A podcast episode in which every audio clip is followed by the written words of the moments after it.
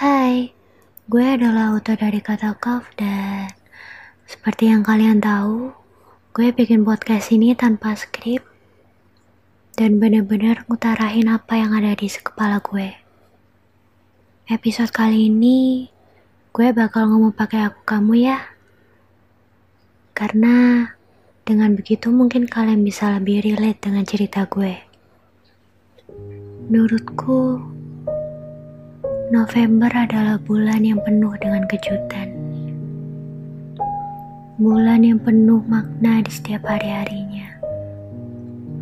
Bulan yang selalu mengajariku tentang bagaimana menjadi dewasa, bagaimana berproses di jalan yang seharusnya dan tidak seharusnya.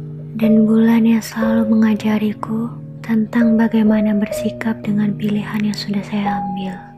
November adalah bulan yang selalu tidak pernah ku nanti akan kehadirannya. Ya, karena ini adalah bulan kelahiranku, di mana setiap harinya untuk mendekatinya saja aku tidak berani. Karena apa? Karena aku harus kehilangan satu tahun umurku yang entah aku sudah menjadi versi terbaikku atau belum. Tepat di bulan ini, hal-hal mengejutkan terjadi padaku. Entah mulai dari mana aku harus menjelaskannya. Sungguh, ini rumit. Terlalu banyak kejutan yang diberikan oleh November padaku. Baiklah, jika kalian berkenan, akan kuceritakan sepenggal kisahku. Ada kalanya kita harus mengikhlaskan sesuatu yang sebenarnya kita inginkan, tetapi bukan yang kita butuhkan. Layaknya ketika kita menginginkan sepatu yang selalu kita lihat di toko ataupun di e-commerce, dan sebenarnya kita tidak terlalu butuh akan sepatu itu. Atau seperti halnya kamu, orang yang kuinginkan, tetapi ternyata bukan kamu orang yang kubutuhkan. Ada kalanya kita harus ditinggalkan agar kita tahu bagaimana rasanya hal itu sungguh berarti dan berharga untuk kita. Iya, seperti kutipan yang selalu kuingat di bulan November. Hari ini, aku ingin membicarakan rasa kehilangan dengan bahagia aku tidak akan mengingatmu lagi sebagai kenangan, tetapi aku akan mengingatmu sebagai pelajaran. Terima kasih untuk semua, semua pengalaman yang telah kau ciptakan. Aku dan kenangan yang kau tinggalkan. Dari kutipan itu akhirnya aku tahu, rasa bahagia juga bisa timbul dari jiwa yang kehilangan.